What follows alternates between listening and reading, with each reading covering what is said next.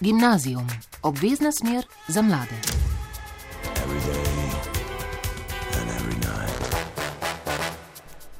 Lepo pozdravljeni v tokratnem gimnazijumu, v katerem bodo imeli glavno besedo ponovno mladi. Ti so še vedno na počitnicah, a lahko jih, kot smo se že lahko prepričali tudi v naših mladinskih oddajah, preživljajo tudi zelo ustvarjalno in izobraževalno. Minuli teden, v petek, sem obiskala fakulteto za elektrotehniko Univerze v Ljubljani, kjer je med 16. in 20. augustom potekal že 22. poletni tabor inovativnih tehnologij. 58 osnovno in srednje šolcev se ga je udeležilo, o prijavi pa se lahko izbirali med osmimi delavnicami.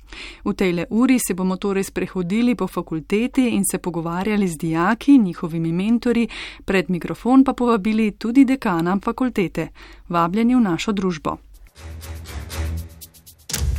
Gimnazijum, obvezna smer za mlade.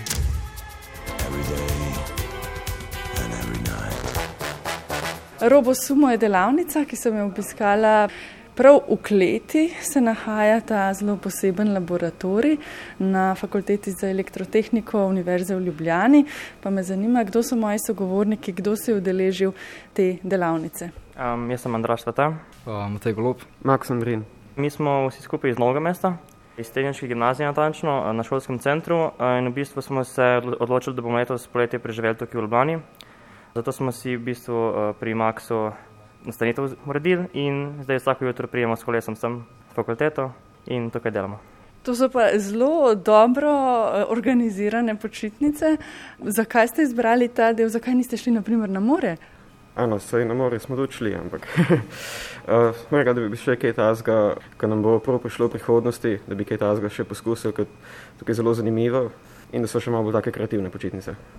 Pa vas zanimajo roboti in te stvari, razmišljate, da bi šli tudi na študij v tej smeri?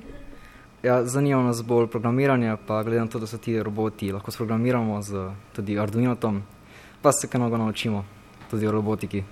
In kaj delate tukaj na tej delavnici? Sumo, robo, se pravi, nekaj bo najbrž povezano z roboti, nekaj pa s sumom. Tako je, v bistvu vsak dobi svojega um, zumo robotka in v bistvu skozi programsko okolje Arduino te robotke programiramo za boj, ki se dogaja v tem okroglem ringu in v bistvu cilj je poriniti nasprotnika uh, iz ringa. Ko ste v ponedeljek prišli sem, so vam bile stvari že tako jasne, kako se je vse skupaj začelo ali ste potrebovali uvod? To sprašujem zato, ker ne vem, koliko te vsebine vi dobite naprimer v šoli, koliko je pa to čisto novo za vas. Um, ja, robotiki se jih nismo nekaj naučili, um, je bila pa tukaj zelo urejena organizacija in so nam lepo razložili, kako bomo delali. Smo lepo postopoma šli na program in kako se dela. Kako je bilo v ponedeljek, si bil kaj presenečen nad prostori, samo izvedbo ali si pričakoval, mogoče celo nisi prvič tu? Sem bil že lani, ampak sem bil na drugi delavnici, tako da nisem še nikoli videl tazga laboratorija za robotiko. Je zelo zanimivo, so nam tudi predstavili nekaj teh um, industrijskih robotov, ki so tukaj, tako da je um, zelo zanimivo in ja. Že ta prostor ne, je fascinanten. Katere robote vse imajo tukaj? A me boste poučili? Uf, ja, različni roboti so, oziroma mi smo obravnavali le tri, smo si ogledali uh, in smo potem jih poskušali še tudi sami sprovati. Tukaj imamo, ki so, ki so po človeški podobi in smo potem premikali njihove okončine in sklepe, da bi pobrali kakšno kocko in jo odnesli na posamezen prostor. Potem naprej imamo naslednje, v bistvu sta dva robota skupaj, ki sta narejena, da delujeta sinhrono. Tu se v bistvu največ uporablja v industriji pri recimo pri varjenju kakšnih delov skupaj. Uh, in v bistvu najbolj pomembno pri takih robotih je, da na začetku uh, naredimo kalibracijo, da potem lahko čez skozi vse delo robota sledita en drugemu. Max, kakšni so pa torej sumo robotki?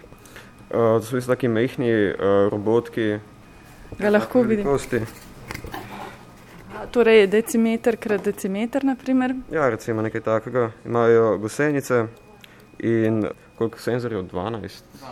12 senzorjev za, um, za bližino, za svetlobo in uh, potem se v Arduino programira kako se odzove na, na različne situacije. Recimo, če se mu nekaj približuje, če, če naleti na črno oziroma belo črto in se potem na tak način naredi strategijo, kako bo napadel nasprotnega robota. Kako težko je v tem programu sprogramirati uh, to, kako se bo ta robotek obnašal, Matej? Nekatere okaze moramo um, se naučiti nove, drugače pa zelo zaželjeno je, če že posameznik zna nekaj o programiranju, vse nekaj osnov in potem lepo, ker logika je tako ista in potem se samo lotimo, najdemo okaze in pišemo. In ti si to že uh, obvladal, ta program prej? Ja, nekaj programiranja smo se že v šoli naučili, um, drugače pa tukaj sem se mogel ukazati na novo naučiti vse z pomočjo mentorjev, pa je šlo. Delate pa torej na računalnikih, Andraž? Uh, ja, v bistvu vsak dela na svojem računalniku, v svojem programu. Uh, no, če bi dodal še prej, Matej, ti programe so zelo um, fajn, ker v bistvu so notri že primeri narejeni in si zelo veliko pomagamo s tem, da pogledamo že narejene primere in potem na podlagi teh primerov um, spišemo svoje programe. Kako se bo torej tvoj sumorobotek obnašal? Si mu že najbrž dal kar nekaj ukazov. Kakšno taktiko bo izbral tvoj sumorobotek, potem, ker pa je na koncu sledi celo mini borba? Um, ja, tako ja, danes bomo v bistvu priredili uh, mini turnir, da vidimo, uh, čigav robotek bo zmagal. Eh, zdaj, gled, gled strategije, moram povedati, da smo v bistvu skozi celoten teden testirali eh, malo, veliko strategij. No? In v bistvu danes bomo te strategije vsak po svojem vzorcu v bistvu samo skupaj uh, zložili. Zdaj, moja točna strategija je, da bi izdal, da potem ne bodo. to vidim, da tekmovalnosti pa je malo. Malo je, seveda, ja. Tako da, uh, ja, danes bomo še dokončali te strategije, potem naredili turnir in naj zmaga najboljši. Matej, koliko nam pa ti lahko poveš, da ne boš zdaj izdal vsega? Jaz pa še nisem ravno nekaj veliko razmišljal o tem, um, pa bom nekaj sproval. Verjetno, da bo sum robot ga čim hitreje hotel iz ringa ven dati, uh, vendar je tam hitrost na maksimum in upam na najboljše. Max, kaj se je izkazalo za največji izziv zdaj ta teden? Ne? Štiri dnevi so že za vami, danes samo še zadnji dan in v bistvu zaključni mini turnir v sumoborbi teh robotov, ampak eh, štiri dni ste kar pridno delali. Ne? Ja, meni osebno je programiranje zelo težko, ker um, jaz se pa v šoli nisem učil o tem, ker sem pač na drugem izvirnem predmetu zato mi je bilo to pač najtežje, ker ne poznam te, te logike tega, tega okolja, ampak so um, mentori mi zelo pomagali in je bilo potem lažje.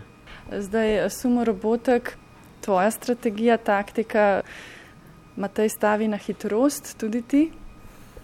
Um, ja, nekaj podobnega. um, mislim, da tudi um, ne samo strategija napada, ampak tudi strategija obrambe je pomembna ampak uh, tem tudi potem uh, primerno težko napisati kodo. Tako da bomo videli, kaj bomo lahko še naredili danes. Matej, kaj je bilo od tebi največji izziv? Ja, te nove ukaze um, spretno uporabiti v programu in da robotek uh, deluje, brez da bi se kaj zataknilo. Kako uspešen si bil v tem že do zdaj? Najbrž že deluje, ne, tvoj robotek, ali je vmes bilo napisano kaj takega, da, da se ni obnašal pravilno? Ja, dosti kode sem imel napačno in sem potem tudi mogel se lotiti popravljanja. Potem pa sem večino sem že sproval bolj kane senzorje in vse, da vidim, kako to se dela na robotku. Zdaj pa samo še treba vse skupaj dati. Pa zate največji izziv, Andraš?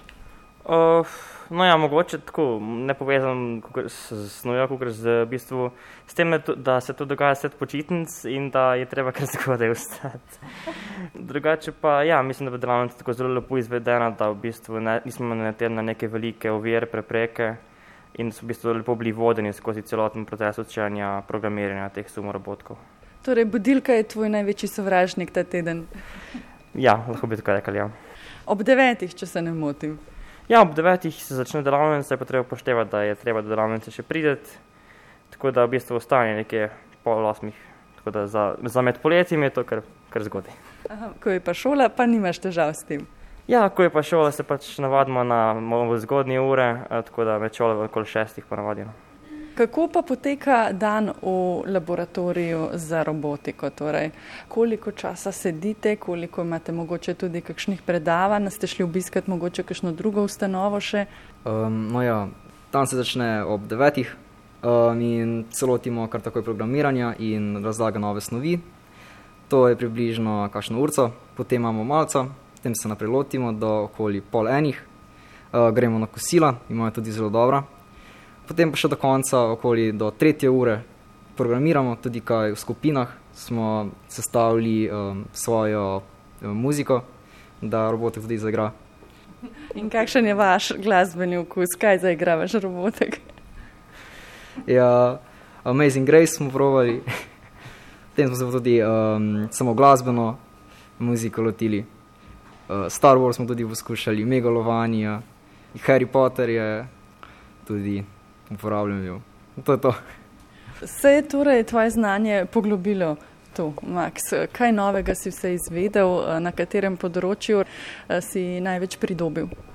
Ja, um, na splošno v robotiki oziroma v elektroniki, oziroma kako se temu reče. Tudi uh, prvi dan smo imeli predavanje o, o, samih, o sami robotiki, o robotih, ki se uporabljajo, uh, na kakšen način delujejo. In tudi zato je bilo, bilo zelo koristno, zelo poučno. Um, tako da zdaj mogoče malo bolj razumem te um, procese, ki se dogajajo. Take snovi je v šoli zelo malo, ne? Ja, e, imamo na tehnički gimnaziji pač izberne predmete in e, kolege sta na izbernem predmetu računalništvo, jaz sem na mehaniki in se pač učimo različne stvari, e, ampak robotike pa nimamo. Najbrž pa so roboti prihodnost, ne, Matej? Ja, vsekakor so, ne. Um, se čez dalje bolj se tehnologija razvije in tudi robote oziroma človeške sile se čez dalje manj uporablja. Tudi bomo mogli robote sprogramirati, sprav, da mislim, da je tudi v tem prihodnost zelo velika. Uh, Andraš, najbrž tudi ti vidiš uh, v tem kar veliko prihodnost, če ne, ne bi najbrž prišel na ta tabor inovativnih tehnologij. Um, ja, definitivno je v prihodnosti, ne samo v industriji, tudi v drugih uh, panogah, recimo v medicini, pa tudi v vsakdanjem življenju um, robotika bo vedno bolj pomembna. No. Zdaj vidimo, jaz bi rekel, najbolj, največji primer, ki je trenutno na porastu, so avtonomna vozila. Na vozilah gledamo kot robot, senzori in v bistvu tudi je treba tako vozilo sprogramirati. Tako da v bistvu, če se potem recimo kdo od nas mogoče odloči za študij robotike, mislim, da ne bo, da ne bo um, zgrešil. No. Pa že razmišljate v tej smeri, kater letnik ste vi? Uh, ja, trenutno smo končali tretji letnik, tako da čez dva tedna bomo šli v četrtega in zaenkrat smo že precej razmišljali o tem. Zdaj zaenkrat, da bi točno od nas kdo najbolj ciljal na robotiko, še ne, ampak mogoče pa, da nas bo ta tabor mogoče um, malo um, usmeril tudi v to smerno. In kako je živeti v Ljubljani nekaj dni brez staršev, pa tudi živeste, ne se pripravljate na študentsko življenje že? Ja, um, živimo pri babici v bistvu v stanovanju na podstrešju, kjer, kjer ponovadi eh, oddaja študentom. In potem takoj po delavnici gremo malo, malo po Ljubljani, bili smo na gradu, bili smo na Rožniku, uh, šli smo v Kolosej. Um, potem zvečer pridemo domov, malo igramo karte in potem gremo spat, ker treba zjutraj zgodaj vstati. Kdaj pride kdo na obisk? Ja, kdaj pride kdo na obisk? Uh, tako da se imamo super. Tudi ti uživaš, Matej, v Ljubljani? Ja, Všeč mi je, da se lahko vozimo s kolesom po celi Ljubljani, ni nobenega, ali pa tudi lahko vzamemo trolone.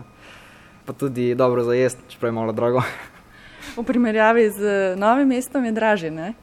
Ja, vsekakor je, še posebno, ko smo šli na glavni trg, eh, da skrat jesti. Ja, lokacija je pomembna, ne? Um, zdaj pa še uh, zadnje vprašanje za vse tri. Če bi imeli pač zelo veliko znanja, kakšnega robota bi sprogramirali, vaš sanski robot? Kakšen bi bil, kaj bi delal, čemu bi služil? Ja, v bistvu nisem še razmišljal o tem, ampak če na hitro pomislim, bi rekel nek hišni asistent. V bistvu robot, ki bi ti pomagal pri vsakdanjih pravilih, recimo, da bi v bistvu um, imel čez od pranja posode do pranja um, oblek, sesanja, v bistvu, da bi skrbel za celotno hišo, da recimo tebi kot posamezniku ne bi bilo treba. Mislim, da vsi podpišemo. Kaj pa ti imate? Ja, če bi res imel možnost, uh, bi seveda stavil ta zga robota po človeški podobi, da bi lahko delal človeško pravila in da bi imel tudi umetno inteligenco in bi se sam razvijal naprej, bi lahko začel razmišljati. Ampak to je seveda še do zdaj ne mogoče narediti. Pa ti, Max, kakšen bi bil tvoj uh, sanski robot? Ja, ne vem, ja, nekaj podobnega. To se mi zdi, da najbolj vsi razmišljamo o teh humanoidnih robotih. Hočemo ustvariti robot po svoji podobi. To je kar eh, zanimivo. Se mi zdi, um, In ja, mislim, da bo tudi nasplošno šel razvoj v to smer, tako da to je prihodnost. No, zdaj ostajate sumo robotki, ne? Kaj treba še narediti pred samo tekmo? Ja, v bistvu je treba v bistvu še enkrat preveriti um, kodo, ki smo jo do zdaj napisali, mogoče kakšne dele premakniti, uh, skupaj sestaviti, razstaviti, kodo samo premikati, da, da bo na koncu um, svoj robot poskusil narediti najboljši na turnirju, kot je možno. Jaz navijam kar za vse, prav. Srečno, pa hvala za tale pogovor. Hvala lepa. Hvala. Hvala. Gimnazijum, obvezna smer za mlade.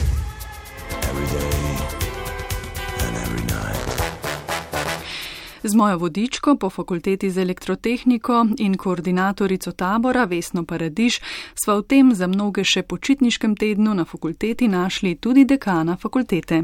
Doktor Gregor Dolinar, že 22. poleti gostite oziroma prirejate poletni tabor inovativnih tehnologij. Kako bi primerjali letošnje leto v primerjavi s tistim prvim? Najbrž se je zanimanje med mladimi za ta področja, ki jih tu ponujate, močno povečalo. Izjemno nas veseli, da se, tako kot ste rekli, zanimanje za področje elektrotehnike veča med mladimi in tudi nasplošno za inženirske poklice. Ta naš poletni tabor je tako rekoč razgrabljen, takoj ko ga objavimo, se pa seveda zelo trudimo, da tudi ponudimo zanimive delavnice našim učencem in dijakom. Kako izbirate te teme, ki jih potem ponudite? Ne? Nekatere se ponavljajo, nekatere na nove. Spremljate, sledite razvoju ali mogoče bolj interesom mladih? Upoštevamo oboje. Zagotovo je pomemben interes mladih, spremljamo pa tudi aktualne trende. Ravno letos smo ponudili novo delavnico na temo virtualne in obogatene resničnosti. Zanimivo pri tej delavnici je to, da smo jo pripravili tudi v sodelovanju z laboratorijem za navidezno in obogateno resničnost, ki ga vodi groz slovenske avtomobilske industrije. Tako na hitro, če rečemo nekaj teh področji, kjer jih tu ponujate, robotika, potem elektrotehnika, pa ta navidezna obogatena resničnost, pa najbrž še kaj, ki je največ zanimanja med mladimi, za katero izmed teh področji? Težko bi rekel, ki je več zanimanja, glede na to, da so vse delavnice pravzaprav takoj zapolnjene. Je pa res, da za mlajše so primerne mogoče neke vrste delavnice, za starejše mogoče kakšna delavnica, kjer je več programiranja. Tako da je odvisno, seveda, tudi od starosti. Zdaj tu določeno znanje, ki ga pridobijo, ga pridobijo mladi s praktičnim delom, z izdelavo nečesa konkretnega, če lahko tako rečem. Ali takih vsebin v učnih načrtih manjka? Ja, zagotovo je mladim uh, zelo všeč, če imajo na koncu nekaj, kar lahko primejo v roke. Torej, to je eden izmed takih uh, pomembnih ciljev teh uh, delavnic, da dejansko tudi uh, nekaj izdelajo, da vidijo, da so nekaj naredili. V učnih načrtih, uh, zagotovo tudi v rednem izobraževanju, se ti trendi nekega malce bolj praktičnega dela uvajajo, uh, kar se mi zdi izjemno pozitivno. Ali ta tabor mogoče služi mladim kot eno raziskovanje svojih področji, ki so dobri, kaj jim leži, kaj jih interesira in se potem na podlagi tega odločajo za naprej, vam pa mogoče kot nekako rekrutiranje novih brucev? Mi organiziramo ta tabor tudi z namenom, da pokažemo, kako široka področja pokriva elektrotehnika. Mladi si ne predstavljajo, kaj sploh elektrotehnika je, in ko pridejo tukaj in vidijo, da tukaj so, se ukvarjajo z roboti, da so v nekem navideznem uh, svetu, da veliko tudi programirajo, internet stvari, vse te sodobne zadeve tukaj pokrivamo in s tem se seznanijo in vidijo, kaj sploh to pomeni. In potem mogoče, ja, upamo, da se potem odločijo tudi za študij elektrotehnike. 22. smo že rekli, ustrajate, ne? kljub koronskim omejitvam, sicer zrahlo prilagoditijo. Ne? Ja, zagotovo. Lansko leto in letos smo se morali prilagoditi, kljub izjemnemu zanimanju za ta naš tabor, smo številke občutno zmanjšali, zaradi tega, da so skupine manjše, da lahko ohranjamo ustrezno razdaljo. Žal tudi je nekaj manj ekskurzij. V preteklih letih smo peljali udeležence tabora v različna podjetja, da so tudi v praksi videli, kaj se dogaja. Ampak upamo, da naslednje leto bo pa že vse po starem. Pa tudi spijo, ne, ne v Ljubljani. Ja, tudi v preteklih letih smo jim omogočili nastanitev v diaških domovih, tako da so tudi iz, uh, tisti iz bolj oddaljnih krajev lahko lažje se udeležili tabora. Uh, zelo so bile priljubljene tudi popovdanske aktivnosti. To žal uh, v teh časih uh, ni bilo mogoče organizirati, ampak bodimo optimisti, pa bomo drugo leto ponovno. Gimnazijum, obvezna smer za mlade.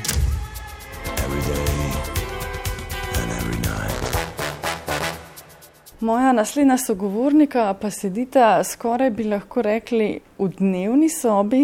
Eh, da pa je to zelo posebna dnevna soba, lahko ugotovimo zaradi tega, ker je tu polno neke opreme, 3D očala, kabli, slušalke, ampak o tem bo več povedala eh, moja sogovornica Ela Cerar, ki se udeležuje delavnice Virtualno je zabavno. Z nama je pa še Gašpr Laurič, ki pa hodi v neko drugo delavnico. Gašpr, lepo zdrav tudi tebi. Dobar dan. Ela, torej, virtualno je zabavno. Smo že namignili, o čem gre vaša delavnica? Um, seveda, torej, ta delavnica se ukvarja z različnimi vrstami obogatene resničnosti, torej z virtualno resničnostjo, augmentirano oziroma samo obogateno resničnostjo in pa mešano resničnostjo, ki je v bistvu nekako malo bolj komplicirana kot augmentirana, torej predmeti se zavedajo svoje okolice, ko so v bistvu sprogramirani in postavljeni v pač našo resničnost, ki jo pač vidimo z očali. Zdaj, mi se trenutno v bistvu ukvarjamo z obogateno resničnostjo tukaj, čeprav imamo možnost uh, sprobati vse vrste resničnosti, uh, zaradi tega, da lahko mogoče malo vidimo kako vse skupaj deluje, kakšen je proces, kako se pride do programiranja vsega skupaj. Uh, sami pa v bistvu delamo video igro, ki bo pač delovala na podlagi osnovne obogatene resničnosti. A nam lahko za vse lajke razložiš, kakšna je razlika med obogateno resničnostjo in virtualno resničnostjo? Torej, virtualna resničnost je popolnoma v bistvu lažna. To je v bistvu popolnoma, smo jo sami zgradili, uh, nobena komponenta se ne nahaja v resničnem svetu, torej lahko se postavimo res kamorkoli. Lahko sedimo doma na kavču, ampak smo pa v bistvu uh, v Parizu, kot lahko vidimo okoli sebe, ali pa v nečem, kjer sploh ne obstaja. Torej, lahko smo v gradu, v vesolju, omejuje nas samo naša domišljija. Medtem ko mešana ali oziroma tudi samo obogatena resničnost uh, nam pa lahko pokaže v bistvu naš realni svet, v katerega dodamo določene komponente. Ena izmed primerov je igrica Pokémon Go, ki je bila popularna nekaj let nazaj, kjer smo v bistvu lahko videli pač naš svet okoli nas na našem telefonu, vendar pač so bili zraven tudi Pokémoni, ki jih pač drugače ni v resničnem svetu. Eh, Ela, zakaj si ti izbrala to delavnico? Ne? Ker veliko delavnic zdaj poteka na fakulteti za elektrotehniko. Tebe torej zanima virtualna resničnost in ta obogatena resničnost? Torej, pač že nekaj časa v bistvu me je to zanimalo, um, ker ni zadeva, s katero bi jaz interaktirala v vsakem danjem življenju. Sicer se ukvarjam tudi z, rob, z robotiko, nekaj s programiranjem, ampak s tem pa se v bistvu rešeni sem mešala. In se mi je zdelo, v bistvu je enkratna priložnost, da lahko prvič navežem stik z temi stvarmi. Gašpar, tebe pa zanima nekaj popolnoma drugega. Ne? Ti si v eni drugi delavnici, kjer se eh, bolj ukvarjate z energijo, s tisto sončno energijo, če se ne motim. Ne? Ja, tako je. Na naši delavnici v bistvu izdelujemo Powerbank, ki ima možnost lastnega napajanja preko sončne celice. Eh, v bistvu je to zelo tak uporaben eh, uporabna stvar, vsak dan prav pride. Ima um, sončne celice, na, se pravi, se lahko preko sonca napaja, lahko ga priključimo na, preko USB-ja in potem z njim polnimo telefon. Zdaj to se sliši zelo enostavno, ampak najbrž ni. Ne? Tukaj ste že peti dan, najbrž je bilo dela kar veliko. Uh, kako ste začeli? Ja, seveda. Prvi dan smo imeli malo teorije o tem, kaj sploh so sončne celice, kako delujejo, pridobijemo tako energijo. Uh, Potem smo pa začeli z izdelavo eh, sončnih celic. V bistvu se sončne celice se narežejo, potem se skupaj zlotajo in se stavijo v modul. Je to enostavno, kot si zdaj le ti povedal, ali lahko pride do kakšnih zapletov? Kaj je največji izziv tu? Največji izziv pri sončnih celicah je v bistvu, da so zelo tanke in se zelo hitro zlomijo. In je treba biti zelo previden, sploh pri lotanju, in potem, seveda, ko jih neseš laminirati, to pomeni, da v bistvu jih daš v tako posebno uh, folijo, ki se potem stopi, uh, gor, da je celica trdna. Ela, ti pa ne delaš s sončnimi celicami, temveč z temi uh, predmeti, očali, uh, ki sem jih prej omenjala. Mi lahko poveš, kaj je tu vaša obvezna oprema ta teden? Torej, naše delo je v bistvu bolj vezano na računalnik, ker seveda pač razvijamo video igro, ki bo v bistvu v obogateni resničnosti. Tako da so v bistvu očala samo način, kako se lahko v bistvu dobimo malo boljšo predstavo tega, kaj lahko vse dosežemo, če bomo nadaljevali po tej poti, če se bomo še razvijali tudi sami in sami probali malo raziskati vse skupaj. V bistvu tukaj okoli imamo nekaj parov virtualnih očal in pa ena, en par očal za obogateno resničnost, um, ki sem jih sama v bistvu prvič uporabljala. Tako da je bilo v bistvu to še nek poseben dogodek za me. Um, Kako pa se razlikujejo? V bistvu um, očala za obogateno resničnost so prozorna, lahko se vidi čez in potem se vse skupaj, cela slika se naredi v zraku, sred zraka. Lahko vidiš okolje, kar je v bistvu zelo uporabno se malti, da se ne udariš v karkoli, medtem ko za virtualnimi očali moraš biti vedno zelo pozoren, kakšen prostor si narediš, pa veliko težje se premikaš.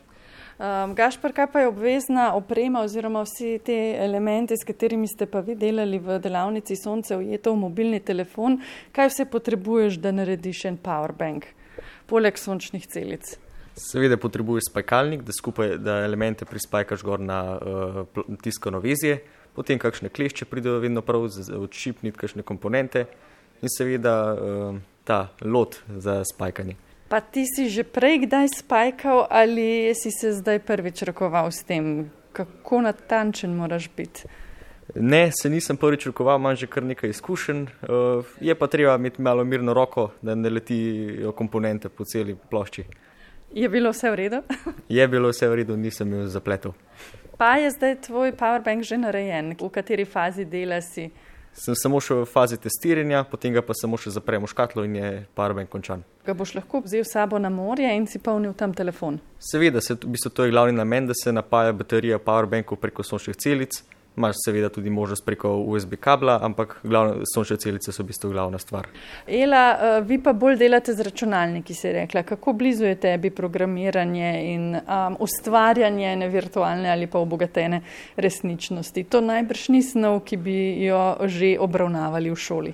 Uh, v šoli res ne, ampak sama programiram zdaj že nekaj let ker imam v bistvu neko posebno ljubezen do tega, vendar se pa v bistvu nisem še srečevala z virtualno ali pa obogateno resničnostjo in imple z implementiranjem iger vanjo, tako da je to neka nova izkušnja.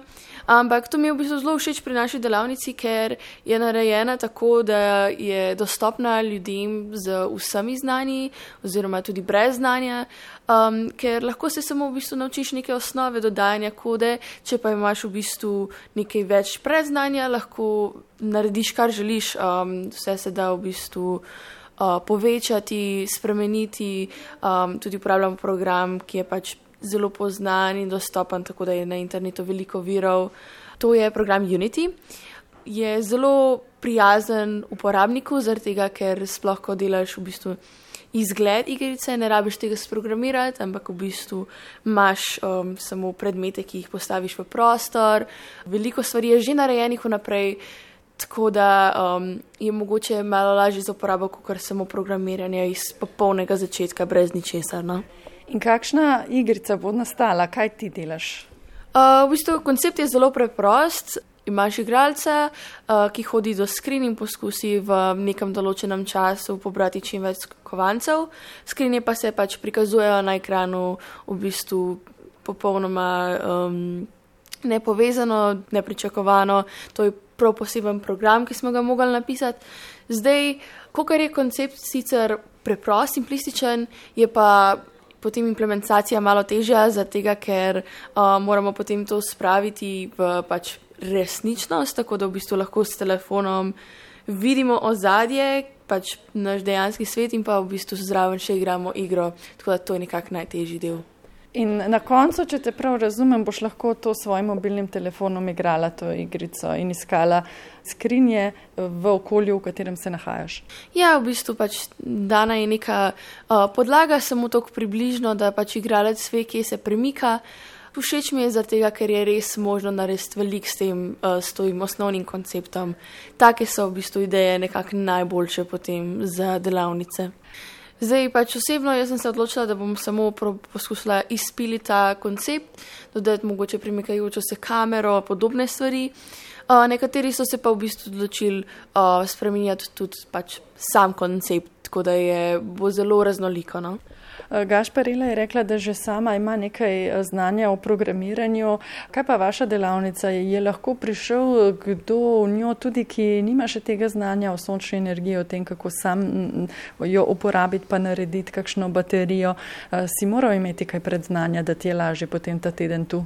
Ja, predznanje je sigurno zaželeno, ampak je v bistvu delavnica narejena na tak način, da lahko tudi popoln začetnik, ki nima nobenega znanja o elektroniki, se jo udeleži mentori vse razložijo na tak laječen in tudi strokoven način. In v bistvu ja, je dobrodošel v bistvu vsak, ki ga to zanima.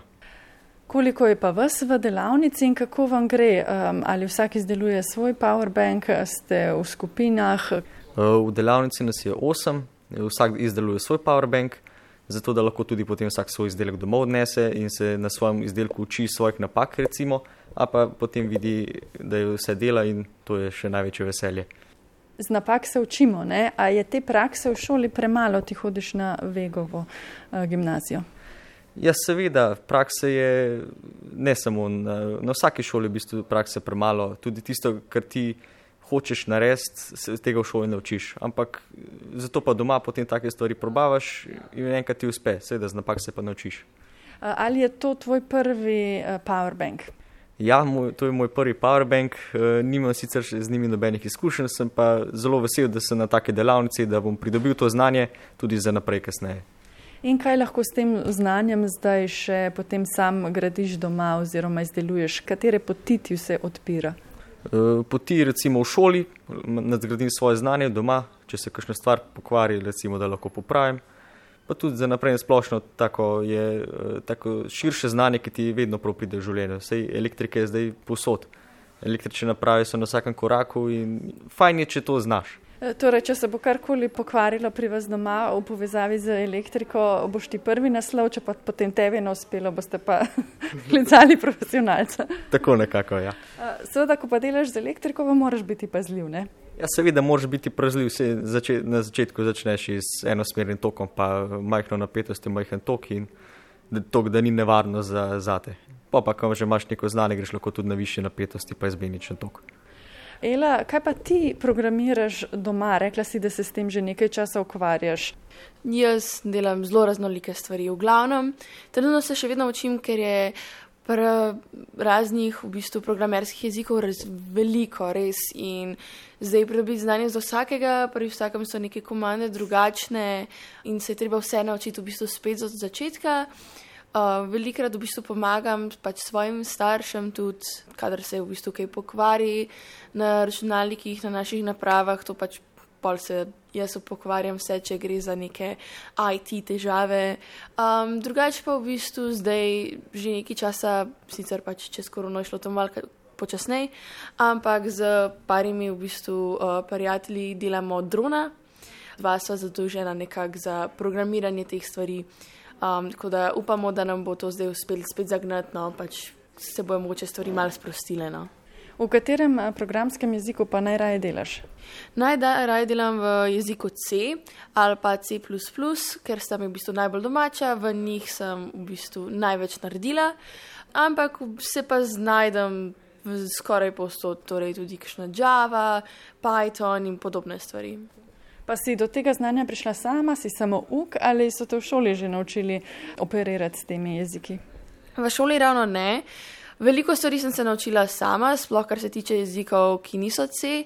Um, drugače pa sem nekaj časa hodila na tečaj, um, zato da sem v bistvu lahko neke te osnove pridobila na način, um, kjer pač se nisem potrebovala spraševati, ali je to znanje pravo, ali se učim na pravilen način, ali mi bo pač so to osnove, ki so dobre, ker se mi zdi, da to je nek najpomembnejši del, da si postaviš temelje, potem gradiš lahko sam naprej.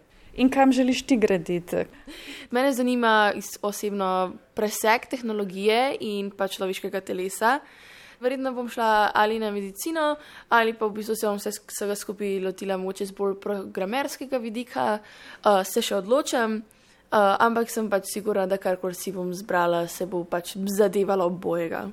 Eh, kaj pa ti, Gašpr, ti si sicer zdaj končal šele prvi letni, greš v drugega, ne? kako začrtano pa imaš ti že svojo življenjsko pot? Ja, v preteklem šolskem letu sem se, do duše sem se nad elektroenergetiko, tudi zdaj, ker sem na tem taboru, pa te sončne celice, pa vse je še bolj tako utrdilo to elektroenergetsko smer. Zdaj smo sicer zašli v malo v vajne hobije, želje, načrte. Če se pa še vrnemo na tale tabor inovativnih tehnologij eh, tukaj na fakulteti za elektrotehniko, ali ko enkrat izbereš skupino, potem najbrž ni več te menjave, ne? se ne moreš premisliti, pa je to drugo. In koliko je tudi tega mešanja, spoznavanja med skupinami?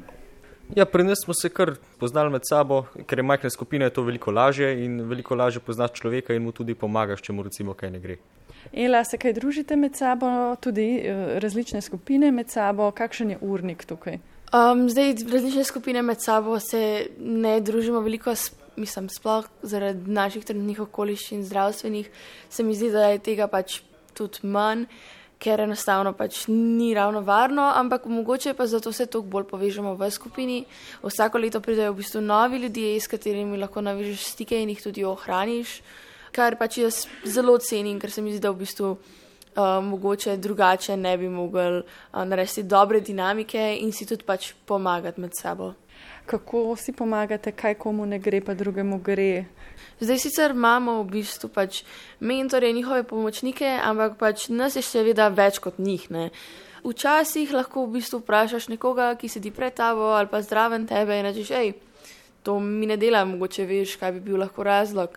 Um, ali pa v bistvu nekateri so imeli več izkušenj že s temi očali, tako da ko smo se učili to uporabljati, smo nekako drug drugemu pomagali. Še deset dni počitnic je pred vami, a se že veselite šole ali bi še raje podaljšala proste dni? Zdaj, jaz iskreno se pač zelo rada učim, uh, tako da mi je šola prijetna. In sicer stres um, različnih pač nalog in testov pač ni najboljša stvar, ampak se pa veselim, da bom lahko pač spet srečala svoje sošolce in da bomo v bistvu lahko spet začeli neko pač naše delo, da bom lahko v bistvu se dejansko naučila nekih novih stvari, kot to zveni, mogoče tako mal filmsko. Dejansko bom uživala, čeprav če bi tole lahko podaljšali, tudi ne bi imela nič proti. Ampak tudi tu se učite, ne? Točno tako, točno tako. Gašpr pa ti? Ja, jaz bi sigurno podaljšal še za kakšen teden počitnice, ampak me ta želja po znanju žere naprej, tudi z, zaradi tega tabora, v bistvu tudi pridobijo novo znanje, pa potem šola naprej. Obema najlepša hvala, pa uživajte še teh deset dni počitnic. Ja, hvala. hvala enako. Gimnazijum, obvezna smer za mlade.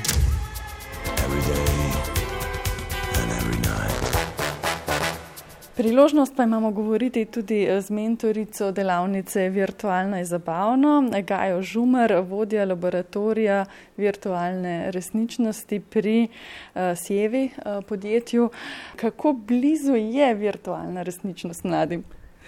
Se mi zdi, da če dalje bolj, nasploh se je navidezna in obogatena resničnost so se popularizirale uh, strani Pokémon Go aplikacije, to je bil zelo odmeven dogodek. Razni Instagram filtri tudi spadajo na področje obogatene resničnosti, tako da kar se tiče popularizacije, je res zato uh, lahko pač pripišemo neki igralni industriji, se pa uh, te tehnologije, torej obogatene virtualne in mešane resničnosti, če dalje bolj uporabljajo tudi v drugih sektorjih, recimo v našem primeru avtomobilska industrija.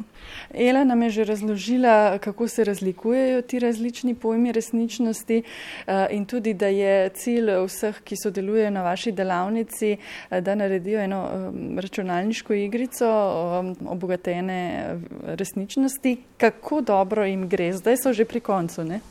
Ja, v bistvu smo danes že zaključili. Predvsem je bilo Eh, se videl ta razlika med udeleženci, ki so že znali nekaj programiranja in čistimi začetniki, ampak eh, igralni pogon Unity, ki ga uporabljajo pri razvijanju, je idealen za, tako za začetnike kot za že nadaljevalnike, tako da eh, po mojem je šlo super in prišli smo tako rekoč že do konca. Pri čem so imeli mogoče največ težav oziroma kje so potrebovali vašo usmeritev največkrat? Največ pri pisanju programske kode, torej Unity uporablja C-Sharp, programski jezik, in uh, kot sem že omenila, so nekateri začetniki in še ne poznajo osnovnih pojmov, izrazov v angleščini in podobnih, uh, podobnega programerskega razmišljanja še nimajo tako razvitega. Vse te resničnosti ne, pa najbrž so tudi naša prihodnost. Ne? Kako vi gledate na to, kar prihajate z tega področja? Bo čez deset let vse samo še virtualna resničnost? Vse ne, je pa obogatena, predvsem obogatena resničnost, nek uh, dodaten medij, dodaten način prikazovanja in hitrejšega dostopa do informacij, tako da se že veselim prihodnosti. Na katerem področju se zdaj razvoj odvija najhitreje? Uf, težko bi rekla. Pač sektori, ki uporabljajo obogateno in navidezno resničnost, so zdravstvo, šolstvo, avtomobilska industrija, arhitektura, gradbeništvo. To so recimo najbolj zastopana področja. Vi ste učili mlade, kaj ste se pa mogoče vi sami naučili v tem tednu? Ja, delavnico sem vodila prvič in ti začetni projekt, začetna ideja projekta, ki sem si ga zamislila um, se je tukaj izkazala za mogoče malo pomankljivo, tako da tekom delavnice sem definitivno prišla do nekih spoznanj, nekih drugačnih pristopov, kako mladim približati in bolje razložiti razvoj AR igr v um, igralnem pogonu Unity. Gaja Žumar, najlepša hvala. Ja, hvala vam. Gimnazijum, obvezna smer za mlade.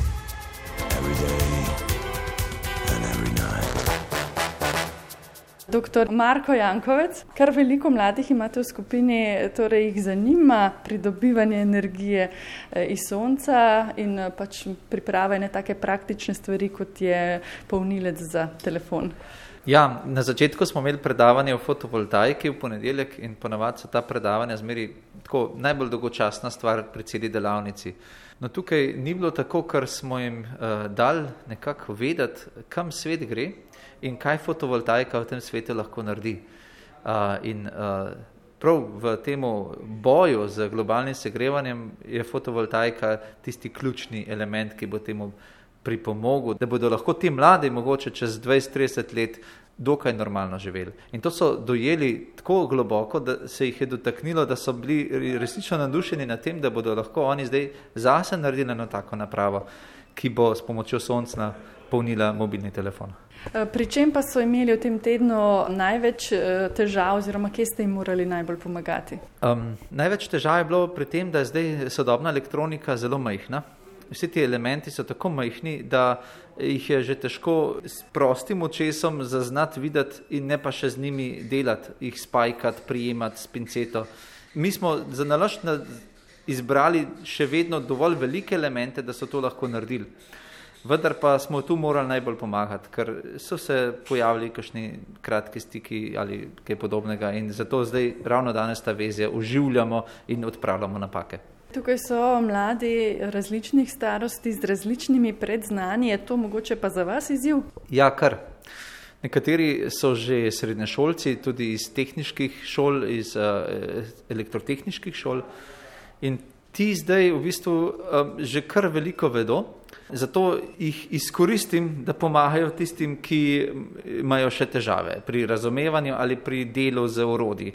In to je v bistvu tisto, kar to skupino uh, najbolj označuje, ta medsebojna generacijska pomoč.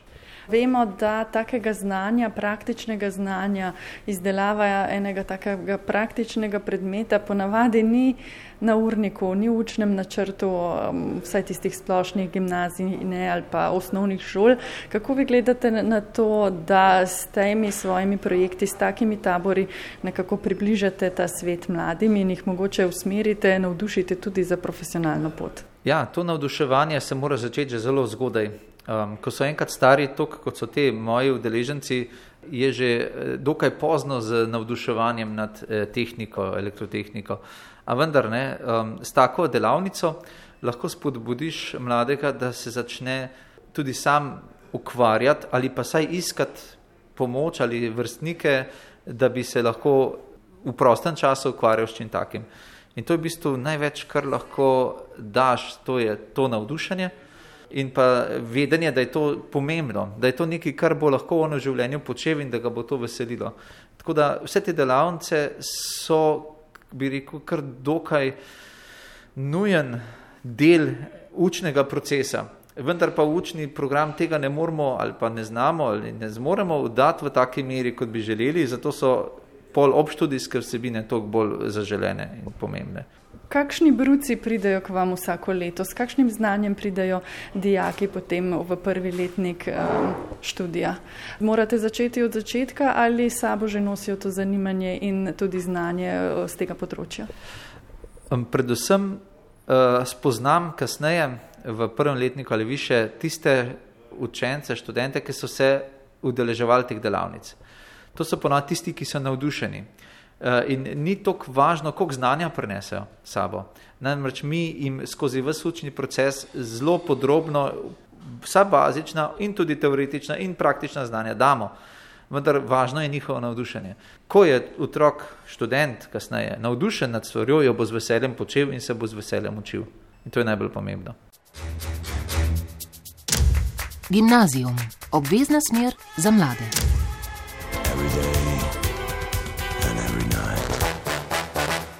Od elektronov do zvest pa je naslednja delavnica, kjer sem se ustavila in z mano sta. Uh, Erik Simič iz Krškega uh, in Tjaš Paradiš iz Šoštanja. Zakaj ste prišla sem? Zanima vaju torej elektrotehnika, elektrika, kaj vse? Ja, mi, ko smo na tehnični gimnaziji, smo se mogli odločiti med strojno in elektrotehniko in smo se odločili za elektrotehniko. In potem me je ena profesorica povabila na to, sred delovanja nadaljavo in sem se odločil, da bi se tega udeležil in mi je bila zelo zanimiva delavnica. E, tudi meni je zelo zanimivo, v bistvu sama elektrotehnika, ker že malo v šoli delamo, pa tudi kot hobi. Od elektronov do zvest, kaj se dogaja na tej uh, delavnici?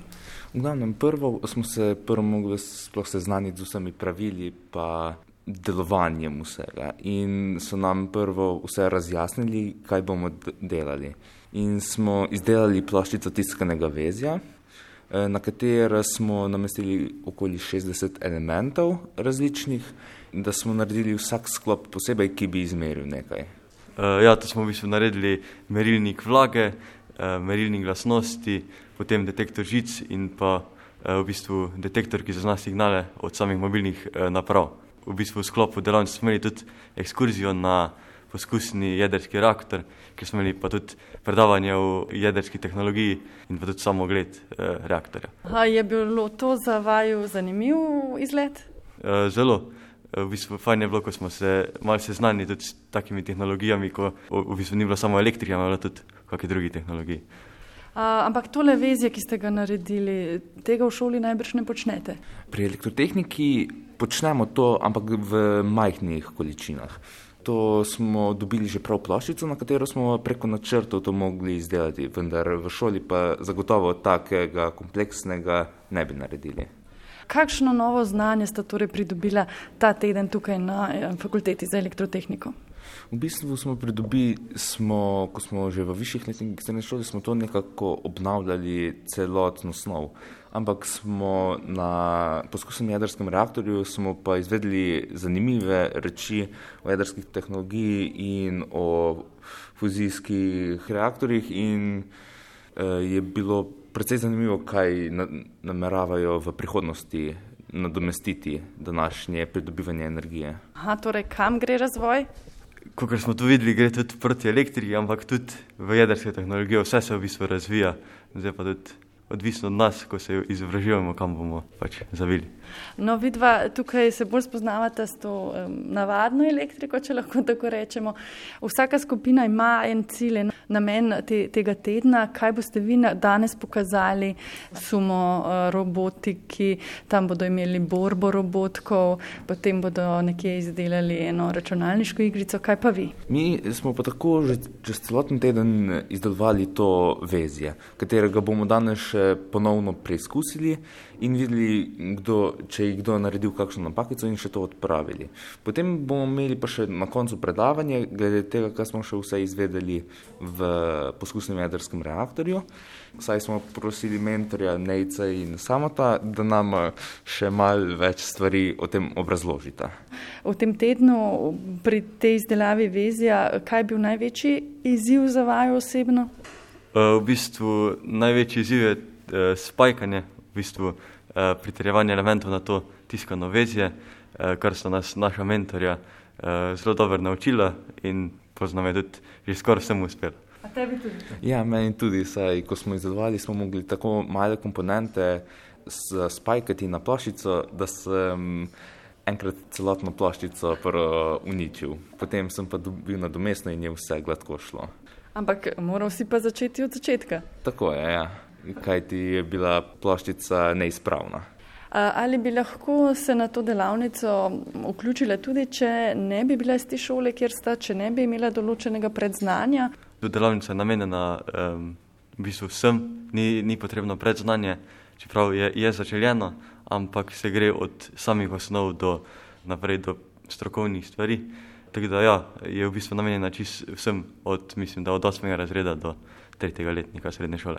Ste potem vidva mogoče komu nudila pomoč tistemu, ki je prišel sem, pa še ni nekako se spoznal s temi stvarmi? Vsi smo potrebovali določeno mero pomoči, vendar ko je pa kdo potreboval pomoč, smo pa drug drugem seveda preskočili na pomoč. Kakšno je zanimanje mladih za uh, to področje elektrotehnike? Koliko ljudi tudi obiskuje tehniško gimnazijo? Um, v našem kraju je tehnična gimnazija bila nekaj časa v zam, zamoru, saj so imeli nekateri slabe občutke glede, vendar lahko upozorimo, da je zelo dobra šola in da je vredna obiska. Zdaj pa če dalje več upisa bilo, tako da upamo na preporod celotne gimnazije. Kako pa je v celju? Podobno kot na Krškem je v bistvu tudi imamo tehniško gimnazijo, je pa v bistvu tudi vedno več dijakov, ko se tja prepiše, čeprav je vedno manj, v bistvu je malo punc, ampak se tudi to z leti izboljšuje. Kaj pa tukaj na taboru, je več sreče s puncami? Ja, ne, nekaj jih je, ampak je kar veliko več fantov še. Kakšen je pa vajen cilj? Boste ostali na tem področju tudi naprej? Boste šli tudi študirati samo Ljubljano, mogoče prav na to fakulteto? O čem razmišljate?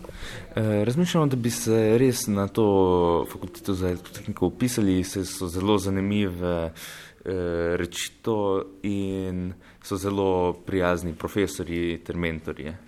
Tudi jaz razmišljam, da bi se pisal kar na to fakulteto, saj sem jo že spoznal dobro in mi je tudi všeč. No, v Ljubljano zagotovo pride. Kje sta pa zdaj? Najbrž se ne vozite vsak dan. Ne, jaz sem pa na počitnicah pri stricu in teti in sem v bistvu vsak dan sem tu v Ljubljani. Si dobro izkoristil, nekaj vožnja, to bi bilo pa kar zahtevno, ne? To bi pa bilo, ja. Kaj pa ti, Erik? Enako, sem tudi jaz pri stricu in teti in se z avtobusom pripeljem, potem pa še kratki sprehod, kajti ni direktnih povezav. Sta potem izkoristila mogoče tale čas tudi za ogled Ljubljane oziroma mesta, kamor boste prišla študirati? Seveda smo obiskali center in tudi druge fakultete, kajti moj brat je tudi tukaj v Ljubljani in mi jo zelo priporoča. Ja, tudi jaz sem si v bistvu za družino šel pogledati center pa različne dejavnosti, ki se počnejo v Ljubljani. Torej se vidimo čez nekaj let v Ljubljani, ne? Seveda. Hvala za pogovor, lep dan. Enako. Hvala. V tokratni oddaji Gimnazijum smo govorili o poletnem taboru inovativnih tehnologij, ki je minuli teden potekal na Ljubljanski fakulteti za elektrotehniko. Špela Šebenik se zahvaljujem vsem sogovornikom za pogovor in poslušalcem za pozornost. Prijeten večer še naprej. Gimnazijum. Obvezna smer za mlade.